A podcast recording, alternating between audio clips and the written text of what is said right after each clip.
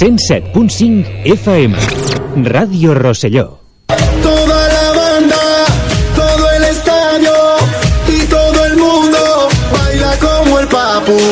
Toda la banda, todo el estadio y todo el mundo baila como el papu.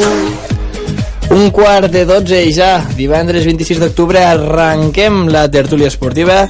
Avui, amb un convidat molt especial per mi, i tant, i per molts de vosaltres segurament ja recordareu la seva veu, que és el Joan. Bon dia, Joan, com estàs? Bon dia, Ferran. Doncs molt content d'haver tornat aquí i veure aquestes instal·lacions eh, que heu ampliat a, a Rosselló i, i no res, super a gust. Sembla aquí. que la cosa va bé. Sí, sí, si ens sí, amplien en les instal·lacions, és Sí, que les sí. coses van bé. També tenim avui el Jordi Sitjà. Bon dia, Jordi, què tal? Bon dia, Ferran. Doncs tertúlia especial, ja clàssic. Diumenge ja clàssic a les 4 i quart, però bé, també venim de Champions i, i òbviament també hem de parlar dels, dels esports locals. Avui juga el Força Lleida davant del líder, partidàs. Doncs sí, partidàs i de, de fet el Lleida arriba jo penso que en un molt bon moment per a, per a intentar doncs això, intentar tombar un Palència que està intractable, que no ha perdut cap partit i, i veurem què passa veurem, serà un bon partit per mesurar les aspiracions potser de, de Lleida tot i que encara és molt aviat. Veurem, eh, no sé si us esperàveu trobar-vos eh, en aquesta situació el, el Força Lleida que de quatre partits eh, n'ha guanyat tres. De, de fet el, el seu entrenador a, a la pretemporada ho va dir que el, que el principal objectiu era la permanència. Jo no m'ho esperava, no, no, no. Ni de, ni de molt lluny, de fet veient com va acabar la temporada passada no? que gairebé, jo ni m'ho creia almenys personalment que, que haguéssim salvat la categoria a l'última jornada a Manresa eh, veient aquell final de, de temporada, vaja sí que estava clar que l'equip es renovaria molt però era un meló per obrir aquesta, aquesta plantilla i ha començat de la millor forma possible i de fet l'únic partit que van perdre contra el Bilbao no? si no m'equivoco doncs eh, vaja el Lleida va tenir el partit a, Exacte. a la mà i se li va escapar als últims moments però vaja, superbé de moment Veurem avui doncs, com el Força Lleida afronta aquest partit de, davant el líder, davant del totpoderós València, jo crec que ja li podem ficar aquest adjectiu, un equip que de moment es mostra invicte i, i veurem doncs, si el Força Lleida pot continuar amb aquesta dinàmica i, i per què no?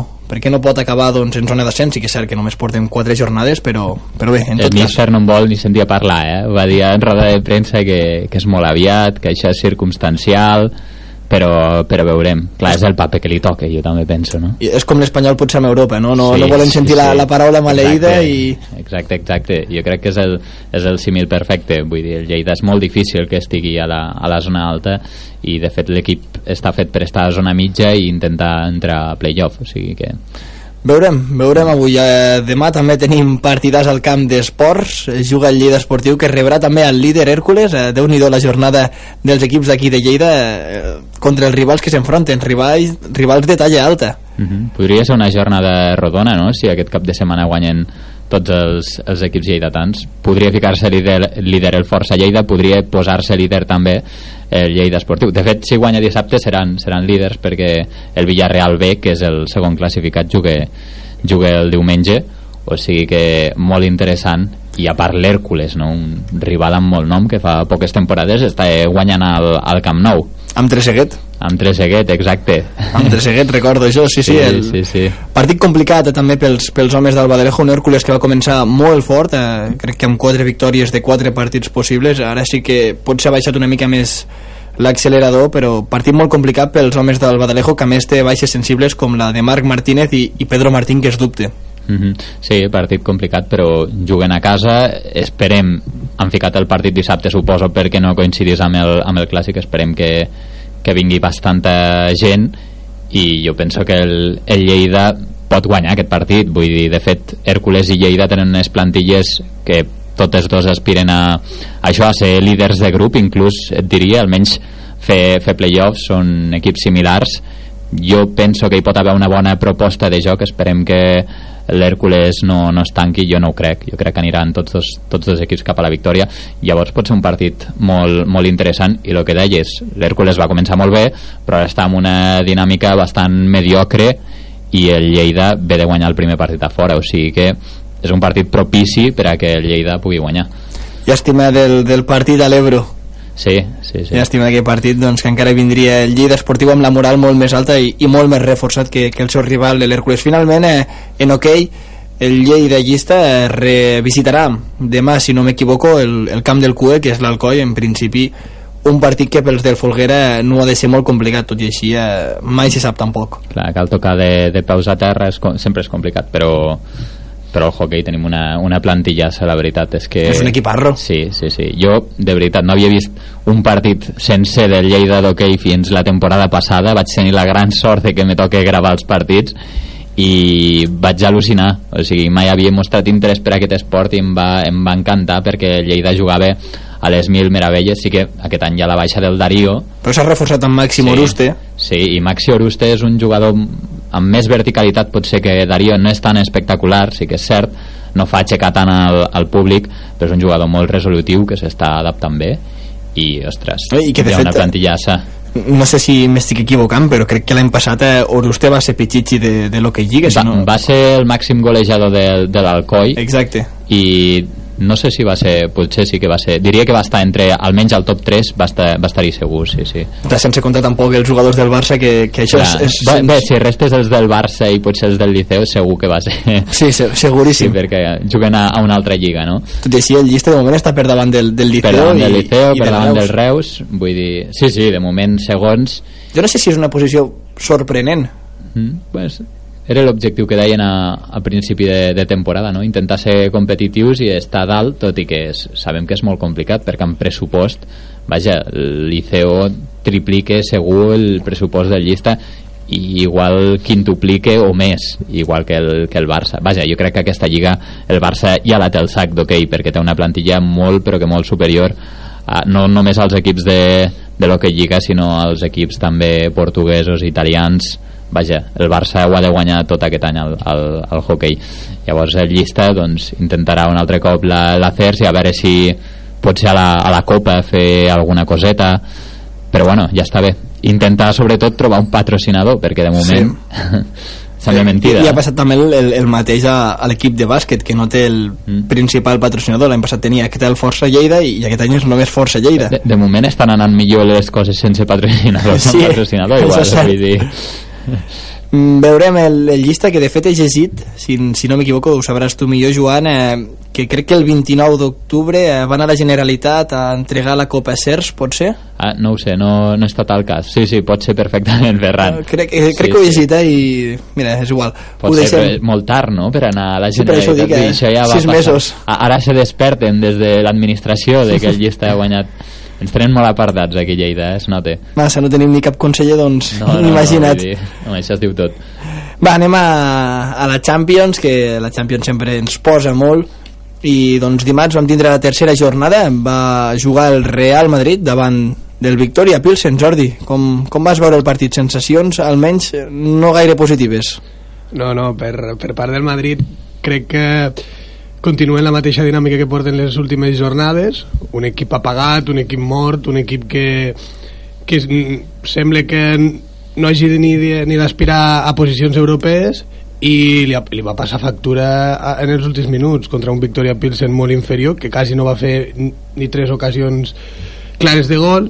Eh, van tindre que acabar demanant l'hora més, que, més que res per la por per la por del Bernabéu i per la por de que aquest equip pugui també donar la sorpresa com han donat altres equips com el Llevant o entre, entre d'altres Joan, no sé si vas tindre l'oportunitat de veure el partit.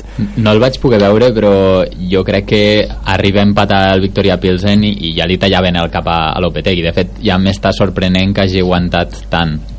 Bé, des de Madrid diuen que l'han aguantat perquè al ser partit de Champions ja amb, només amb un entrenament per mig, que era l'entrenament de dilluns, perquè diumenge tenien festa, bueno, dia de recuperació, eh, no volien a part de Lopetegui ficar un entrenador nou perquè l'únic que hagués fet l'entrenador nou és a dir, hagués dit jugueu ara mateix com, vol Lopet, com ha volgut Lopetegui i a partir d'ara ja començarem a ficar.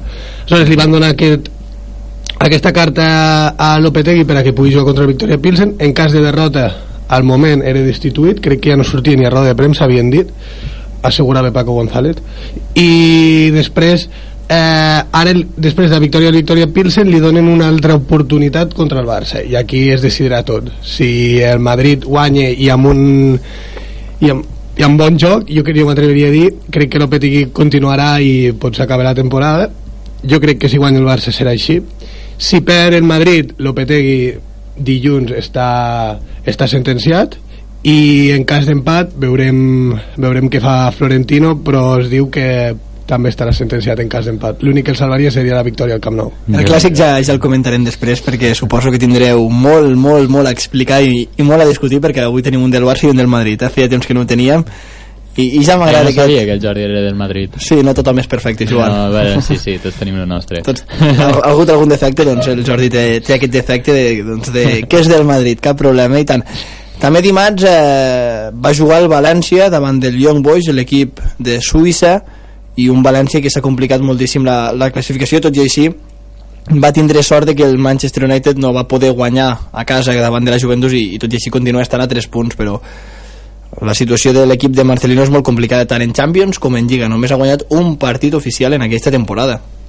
Sí, sobretot el, el, el, el que em va sorprendre el València en aquest partit era la, la poca llibertat que tenien, és a dir, tothom sabia que era un equip inferior, l'equip inferior va jugar amb el Young Boys, va sortir amb les seves cartes, més defensiu que ofensiu, i el València, havent de ser un equip més, més alegre, més, més vertical, més, més, amb més mobilitat, sobretot és el que li vaig trobar a faltar, es va trobar amb un penal en contra que va empatar el partit i va fer que el València caigués en picat i que els últims minuts de partit és que no es pogués ni aixecar per a intentar, per a intentar treure el partit. S el València viu del mal moment que està el Manchester United, també amb les crítiques a Mourinho. A veure, tot que- molt complicat, eh? València amb un punt de nou possibles... Però el, el Manchester United només n'hi té 4 és, és una victòria. És una victòria i s'han de tornar a enfrontar contra el Manchester United. És el que et dic. No, jo crec personalment que el València serà l'equip espanyol que sempre dels 4 un s'acabi caient o dos com vam veure l'any passat amb l'Atlètic de Madrid també.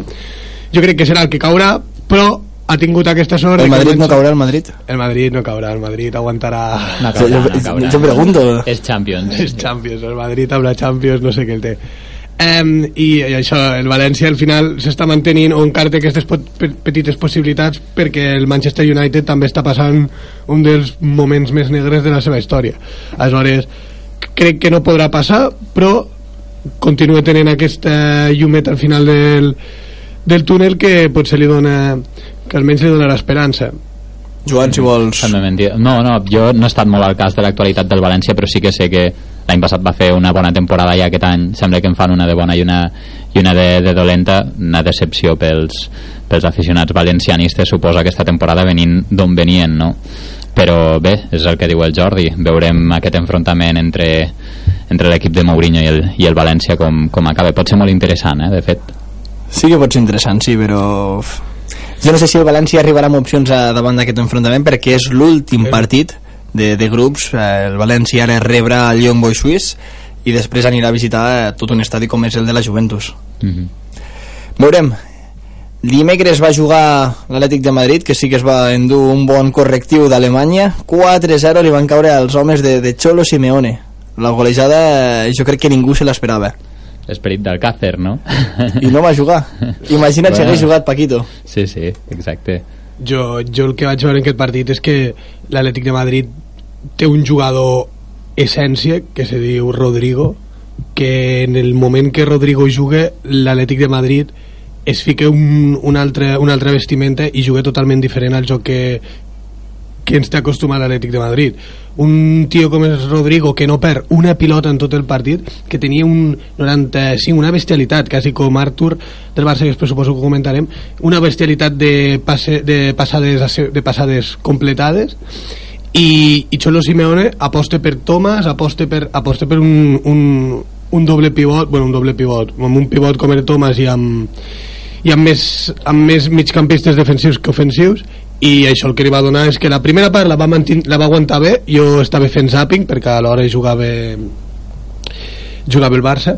I el que, vaig, el que vaig poder notar és que sobretot la manera que tenia l'Atlètic de Madrid amb l'empat de jugar era molt eh, defensiva i en el moment que li van marcar el gol va voler canviar completament la seva forma de jugar a ofensiva i aquí va ser on li va caure el bany de gols que en dos minuts li van fotre dos gols i ja l'Atlètic de Madrid no va poder fer res. Crec que Cholo Simeone està amb els jugadors que té. Crec que ja hauria de començar a fer-s'ho mirar i començar a intentar mm, tocar una mica més la pilota, sobretot tenint eh, això que et dic, un jugador que es diu Rodrigo que per mi és dels millors ara mateix a, a la Lliga Espanyola i, i no intenta tant jugar partits defensius quan tu creus que el rival té més verticalitat o és, mm, té més qualitat i és més bo que tu. Crec que també has d'intentar jugar cara tu a tu perquè crec que el Borussia Dortmund també va fer, tampoc va fer el millor partit de la seva història per, a, per encasquetar-li un 4-0 a Cholo Simeone. Crec que el resultat és més propi d'una mala decisió o una males decisions de l'Atlètic de Madrid en la manera de jugar que en cert de les decisions del Borussia Dortmund Mm, Jo feia temps que no veia un correctiu així a l'Atlètic de Madrid De fet, és, és la golejada més, més escandalosa que ha rebut Cholo Simeone com a entrenador. doncs imagina, també també diu molt de la capacitat golejadora del, del Borussia i encara més si com diu el Jordi no ha estat el, el millor partit. Jo no el vaig veure però sí que potser ens hem de començar a prendre seriosament aquest Borussia Dortmund. Més enllà de les conyes que ronden d'Alcácer està fent una gran temporada. Si no m'equivoco és líder de la, líder. de la Bundesliga. O sigui que compta amb aquest Borussia que ja va arribar, es va colar un cop a la final de la Copa d'Europa que li va costar molt al, al Bayern tombar-lo a la final i, i veurem fins, fins on arriba guanyen al Màlaga amb gol de fora de joc I guanyant el Madrid Sí, també, sí, eh, guanyant crec que 3 a, 4 a 1 a, al Sí, Signo sí. Iduna Park i després perden al Santiago Bernabéu 2-0 i demanant l'hora els alemanys. Però sí que és cert, tot i així, jo crec que el nivell de, de qualitat que té la plantilla d'aquest any comparant-la amb la de fa 4 o 5 anys no és la mateixa. En aquesta temporada hi havia jugadors com Lewandowski, Hummels, eh, Gundogan, és molt aviat, és molt aviat encara sens dubte. Veurem també si Paco Alcácer eh, manté el ritme golejador que està tenint. és, és perquè això que tenen els davanters no? a vegades una miqueta de, de confiança tot i que jo sóc del parer que no ho va fer malament al Barça perquè No, era el crec. paper que li estava reservat sortir quan pogués i, i marcar i quan, quan se li donaven minuts doncs feia gols potser la primera temporada no masses però la segona va estar més encertat. No, i que suposo que també és més complicat per als davanters eh, fer gols amb l'equipació del Barça perquè et plantegen els rivals un, un partit molt més defensiu que quan jugues amb, amb el Borussia Dortmund i, i més a la Lliga Alemanya on, on les defenses sí que són més obertes i, i els equips són més valents que quan juguen contra el Barça. Bueno, sí, jo sobretot el, que- el que crec és que no és que els minuts que jugués no els aprofités, sinó crec que podria haver jugat uns altres minuts que no va jugar o que no van apostar per ell, ja ficant a Rafinha, ja ficant a qualsevol altre delanter, que crec que ell els podia haver jugat i aprofitat molt millor que un altre, que un altre jugador. Um, jo crec que Paquito acabarà tornant a la Lliga Espanyola i suposo que tornarà amb un gran i tornarà a fer... amb un gran Jo sí. Jo crec que de l'Atlètic jo crec que l'Atlètic de Madrid Home, l'Atlètic de Madrid té a un tal Griezmann, a un tal Diego Costa Sí, sí, espera't, perquè I- l'Atleti de Madrid... i a un tal Kalinic L'Atleti de Madrid... Sí, Kalinic, jo crec que Kalinic aquesta temporada ja se'l vendran, perquè vindran amb una suma de diners important i Lemar com acabi fent bona temporada tot i que Cholo Simeone fica a mig centre jo crec que és el típic Paco Alcácer és el típic jugador d'Atlético de Madrid que no acaba fent una bona temporada i a mitja temporada se'n va. Jo crec que el Paco Alcácer està molt bé on està i si vol aspirar a jugar amb la selecció espanyola crec que s'hauria de quedar alguns anys més a la, a la Lliga Alemana ja que ha perdut el nivell i ell pot destacar. És, és, al final és això. Jo crec que és una lliga molt inferior a les que ha estat jugant perquè el nivell dels segons equips de la Lliga, de la Lliga Alemana no són els no és tan segons baix, ja de- tampoc però tu què en consideres millor? Un, és a dir, quan jugué contra el Bayern, vale, però ja és, el segon, ja és el segon equip més bo i és un dels delanters més potents. En el moment que s'enfronta contra el Schalke, jo crec que el Schalke ja estem parlant d'un levante d'un... no tan setup Schalke però sí juga equips potser més revelació que la gent no s'esperava com un Eintracht de Frankfurt que té un 9 de 9 a l'Europa League eh, un Mainz eh, Sí, equips que la gent va fer bona temporada, però al final jo crec que el nivell és més baix i Paco Alcácer amb confiança i podent... Sí, sí que és més baix. Aquí crec que està... Bàsicament perquè la Lliga Espanyola crec que ningú ens ho dubtarà. eh, Potser ens compararà la, amb la Premier League, però crec que és la... Si més no està entre el top 2 de, de lligues del món més competitives. Sí. Per... Jo, jo és el que crec que s'hauria de quedar alguns anys més si vol, si vol continuar aspirant a la selecció nacional del seu país. Finalment, el Barça va jugar contra l'Inter de Milà, el primer partit sense Messi, que està lesionat de, de 3-4 setmanes, i la veritat és que el va resoldre força bé el partit. Eh, En cap moment eh, el Barça va veure com li perillava la victòria davant de l'Inter. sorprenentment bé, la veritat jo no m'esperava No que t'ho esperaves?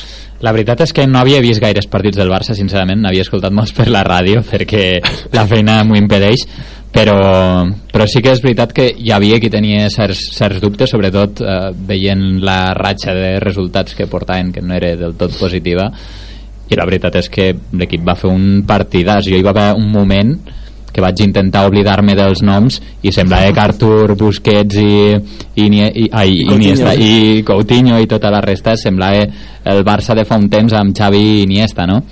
Però bé, també són paraules majors, eh? comparar els Sí, jugadors sí, amb sí, sí. Xavi i Iniesta és una gran responsabilitat, però el que vull dir és que tenen el joc molt ben après i els va beneficiar moltíssim també el plantejament de l'Inter que va, anar, eh, va ser un plantejament bastant ofensiu pel que ens tenen acostumats els equips italians Jordi? Sí, jo crec que ha donat a, en la clau, en la, ha trobat la clau de la qüestió.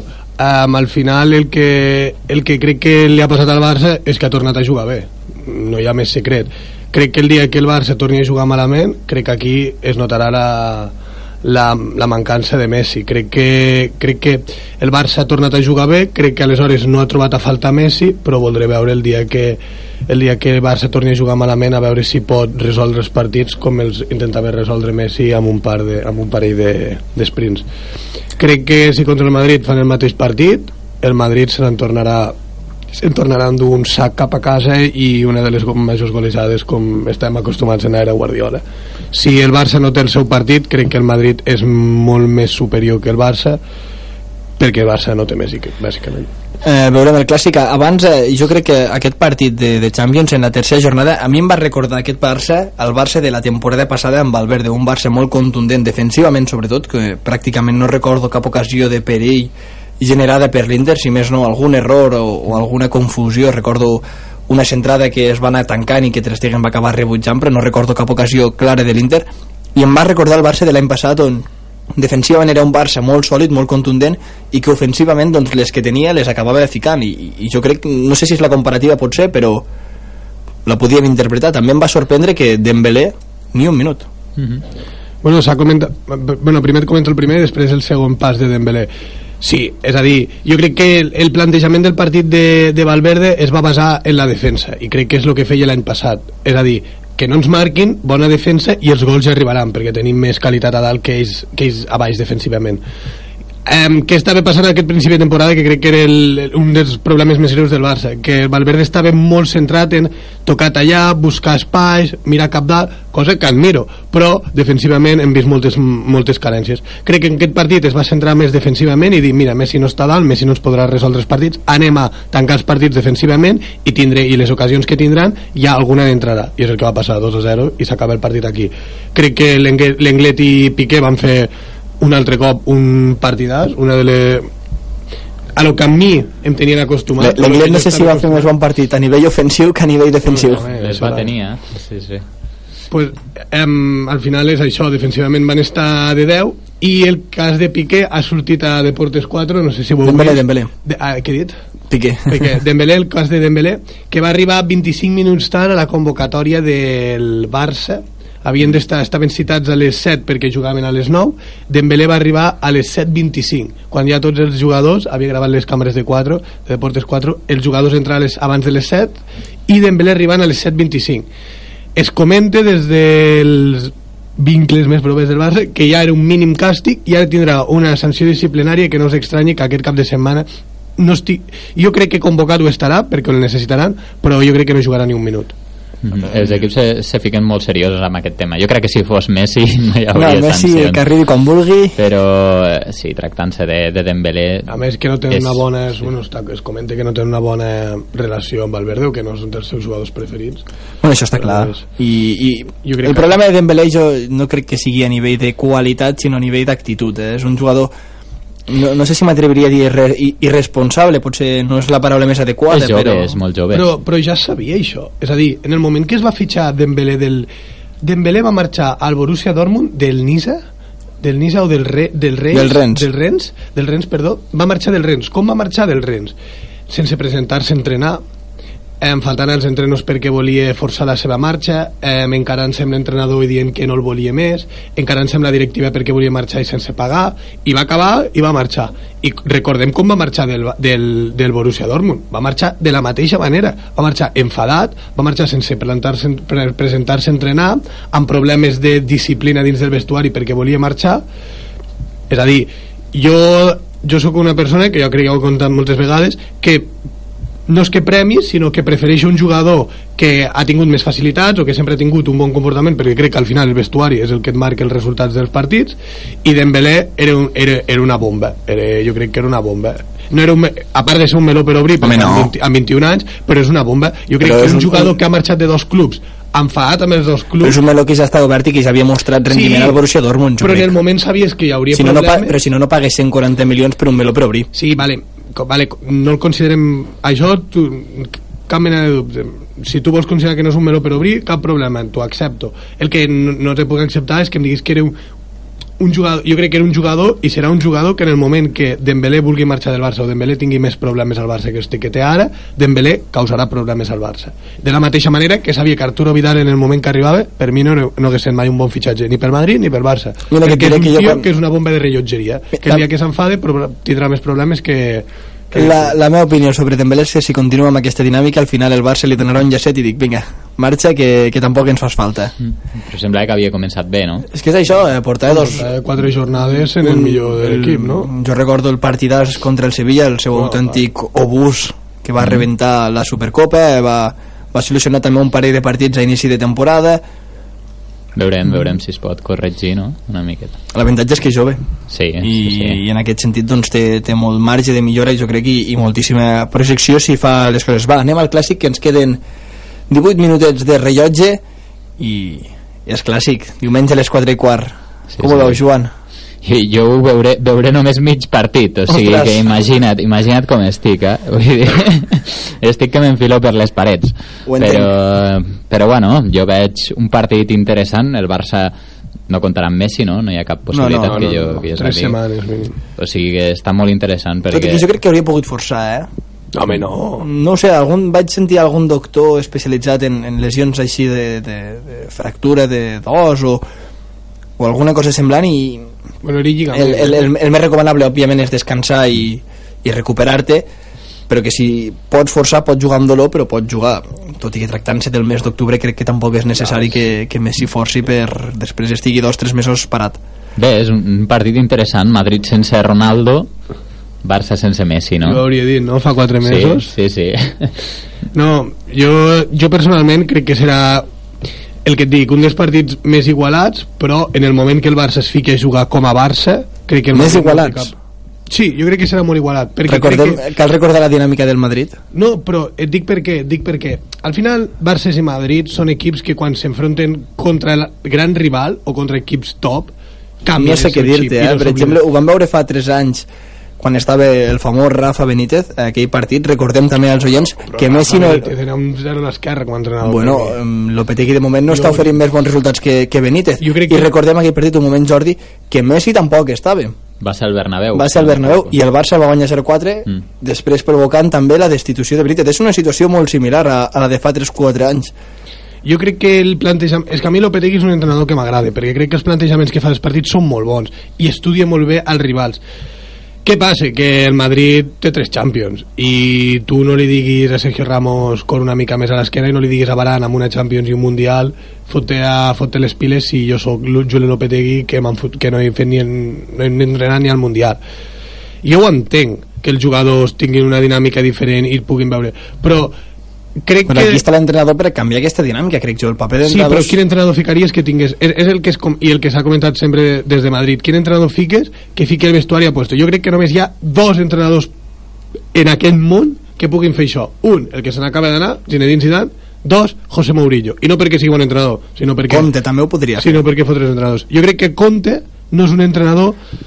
Eh, lo mateix que t'he dit, amb Dembélé i amb, i amb Arturo Vidal. Com ha, com ha estat Conte al Chelsea?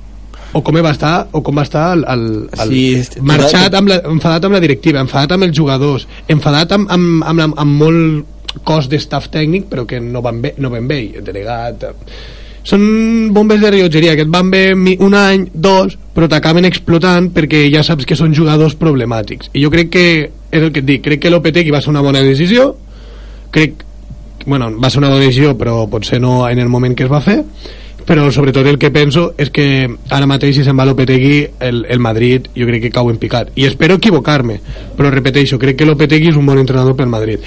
I el que et dic si el Madrid fa un bon plantejament i el Barça no es fica a jugar com el Barça crec que serà un partit molt igualat perquè cap dels dos equips tindrà por a l'altre equip. Crec que s'ha vist per No, molts això- anys això amb, por, clar. amb Cristiano, amb por Messi jo crec Això que clar, un però clàssic sense por. les dinàmiques jo crec que, que marquen molt el, els equips i, i el Madrid eh, crec que ningú ho, ho qüestionarà, està en una dinàmica molt negativa, jo crec que feia molt temps que no s'havia vist una dinàmica del Madrid, potser sí que vist una dinàmica del Madrid eh, perdent tants partits, però no perdent partits contra rivals molt inferiors, eh, perds a casa contra el Llevant, perds al camp de l'Aves sense generar cap ocasió, perds al camp del Sevilla que et peguen un repàs que, que feia temps que no te l'havien pegat. Gràcies Ferran. No, és, és veritat, I, i, i el Barça doncs, sí que té la baixa de Messi, però crec que està sent molt més efectiu. Suárez sembla que està agafant una mica més de ritme, que comença a estar més, més finet, va fer un bon partit, crec, contra l'Inter.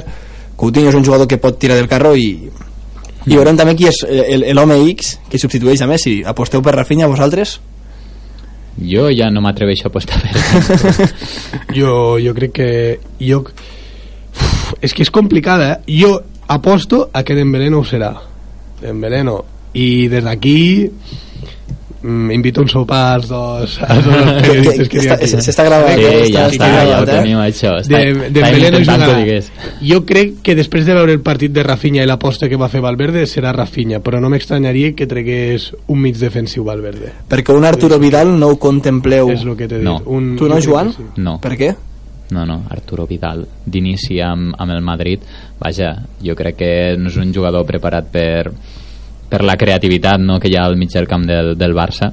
A, a mi no em casa del tot però Valverde sap el que es fa o sigui que jo la, vaig, ser, vaig ser dels que criticava Valverde abans de que entrés i dels que els hi va callar la boca als, als quatre partits també ho he de dir perquè no era fàcil seguir amb, amb l'estil del Barça i més un, un entrenador que potser no, no, no era un, un entrenador que havia jugat anys al Barça i que... No havia estat, de fet, eh, un parell d'anys amb l'època de Cruyff i, i ja està. Mm, sí, però no era... Sí, exacte. No, I no va destacar.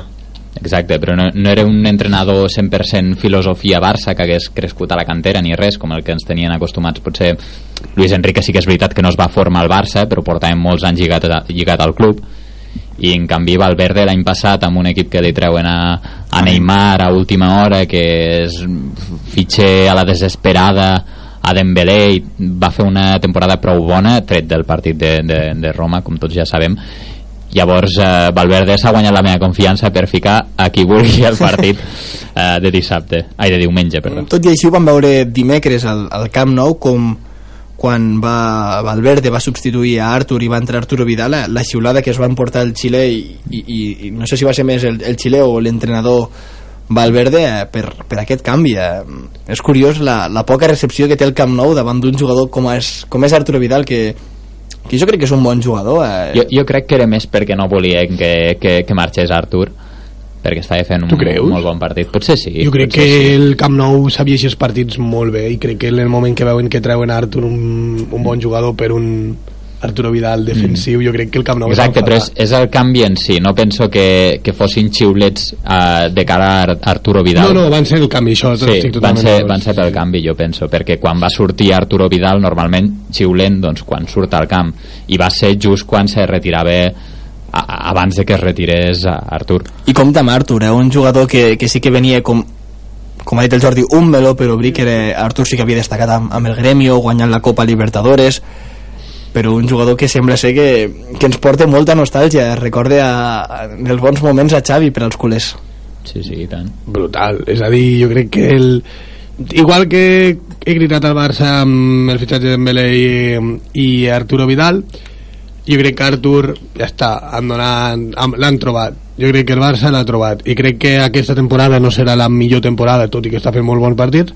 Crec que la temporada que ve es guanyarà el lloc de titular perquè a mi em va Rakitic i ja està, el Barça ha trobat aquella peseta al mig del camp que no perd una pilota que se sent molt còmode quan Busquets està darrere i que té aquest ADN Barça que, que molts pocs jugadors el troben. I això és el que el Barça li donarà molta sortida sobretot a Messi perquè li arribaran unes pilotes que en feia un parell d'anys ja no li arribaven. Per cert, l'opció Malcolm la descartem també ja del tot? Sí, sense Jo no la veig, jo no la veig. ha jugat quasi que ha jugat 20 minuts? Potser ni això. Ha jugat contra el Valladolid allà a, Sí, al José Zorrilla 20 minuts. i no recordo si ha jugat algun partit més. Veient el partit de l'Inter jo crec que no tocarà res Valverde però ja et dic, té la meva confiança. Si vol ficar Malcolm que el posi. Ah, sí. i l'opció que, que crec que és una opció que, que la gent no, no contempla però el 4-4-2 amb, amb Suárez i Coutinho tal, i el doble lateral dret amb Semedo i Sergi Roberto per, a, per, a, per aturar a Marcelo la podríeu contemplar?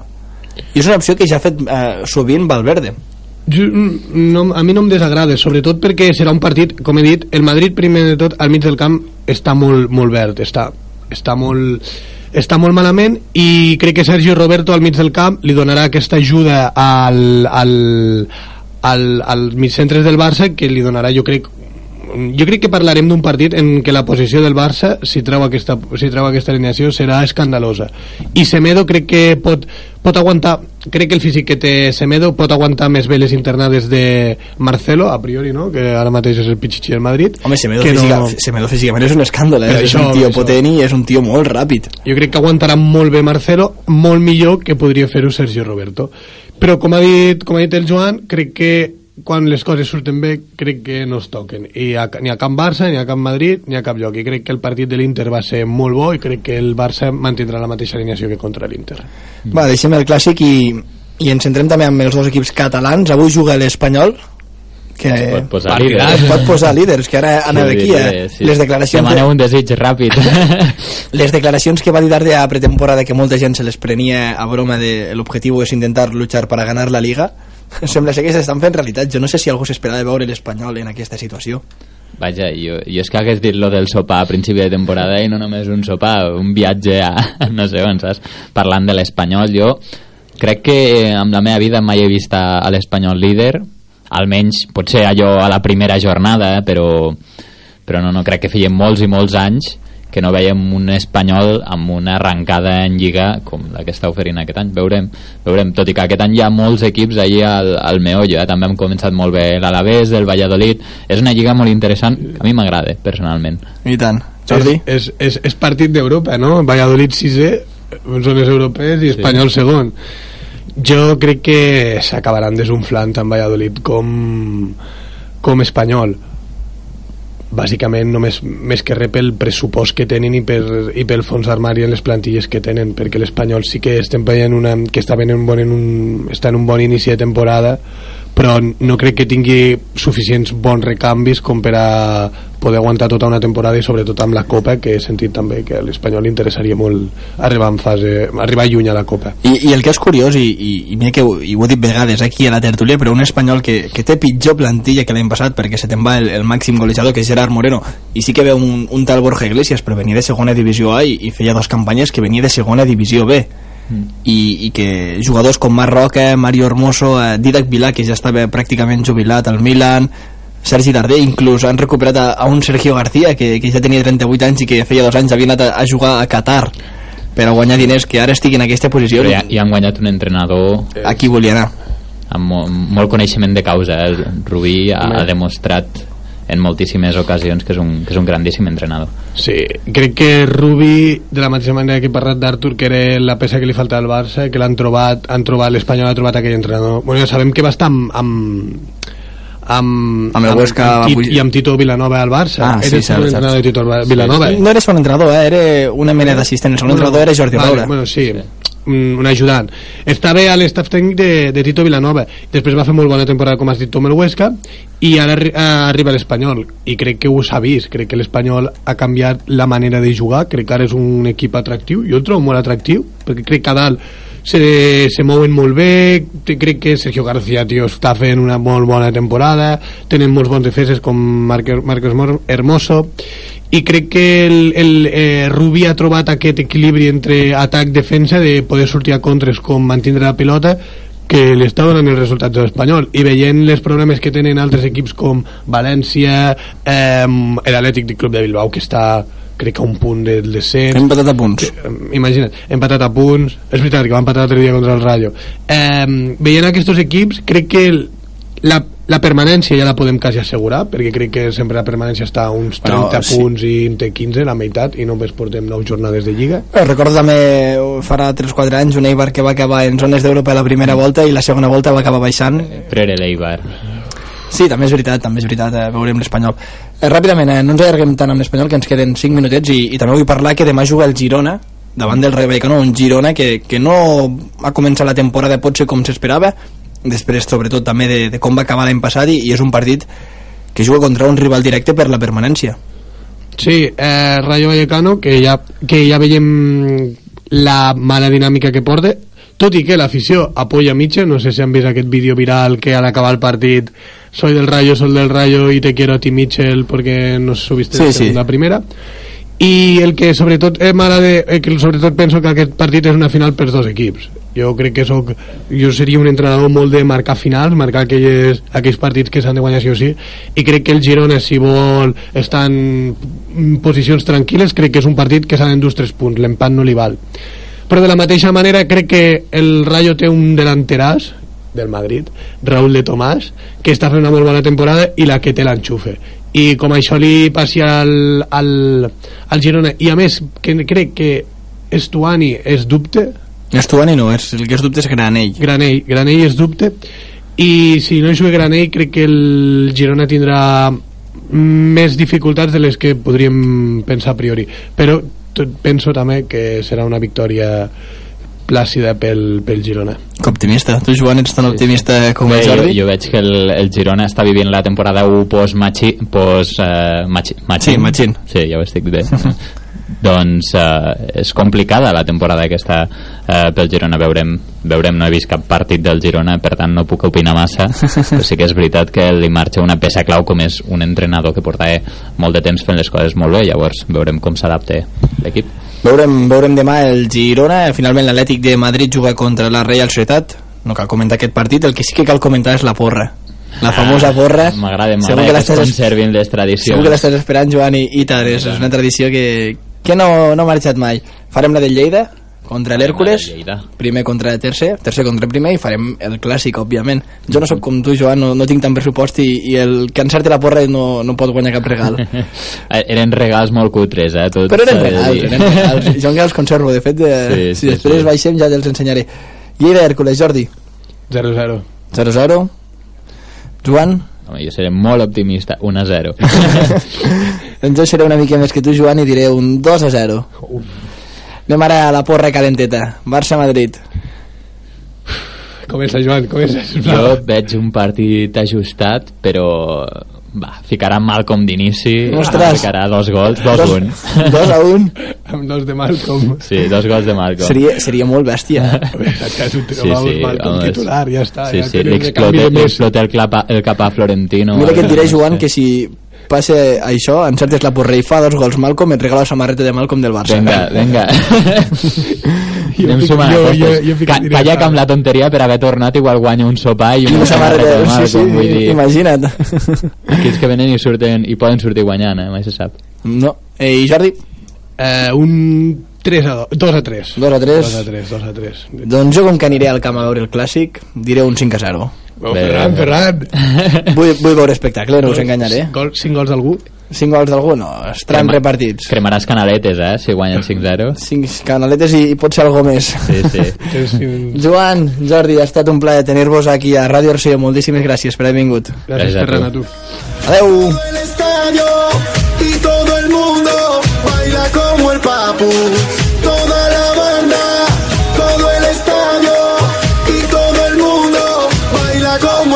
Rosselló, 107.5 FM. La veu més propera.